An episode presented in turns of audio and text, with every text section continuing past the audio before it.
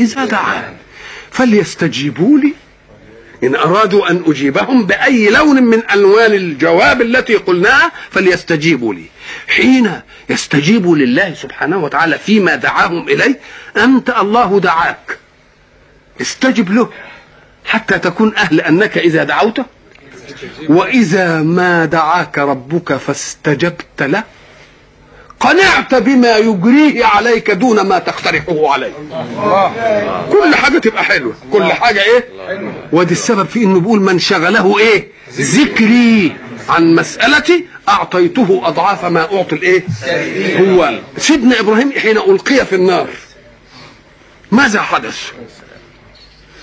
قال له ألك حاجة؟ لم ينف أن له حاجة. ما فيش استكبار على البلوى. ما فيش استكبار؟ على البلوى قال له أما إليك فلا. لي حاجة؟ آه.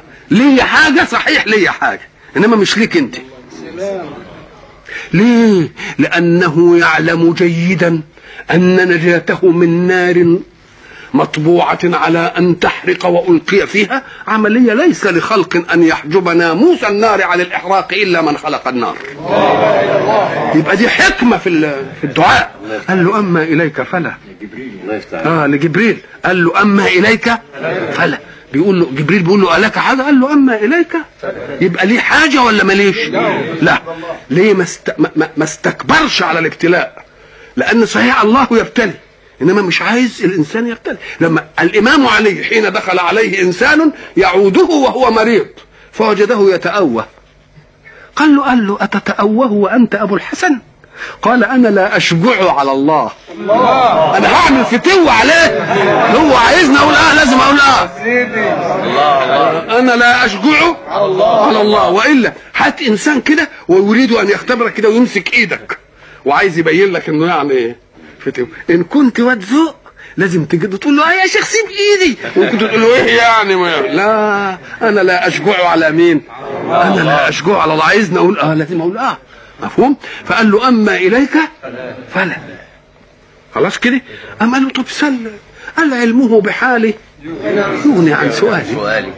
ولذلك لم يكن بد من أن يجيب. قلنا يا نار كوني بردا وسلاما على إبراهيم. أمال تيجي المسألة إزاي كده؟ لازم تكون إيه هذه؟ اذا وإذا سألك عبادي عني فإني قريب أجيب دعوة الداعي إذا دعان. فليستجيبوا لي وليؤمنوا بي. طب استجابة للمنهج. وليؤمنوا بأن إله وحكيم. مش اللي يجي يسألني حاجة أديها له كده لا. ده ألوهيتي تقتضي الحكمة ودي تنفعه ولا ما تنفعوش؟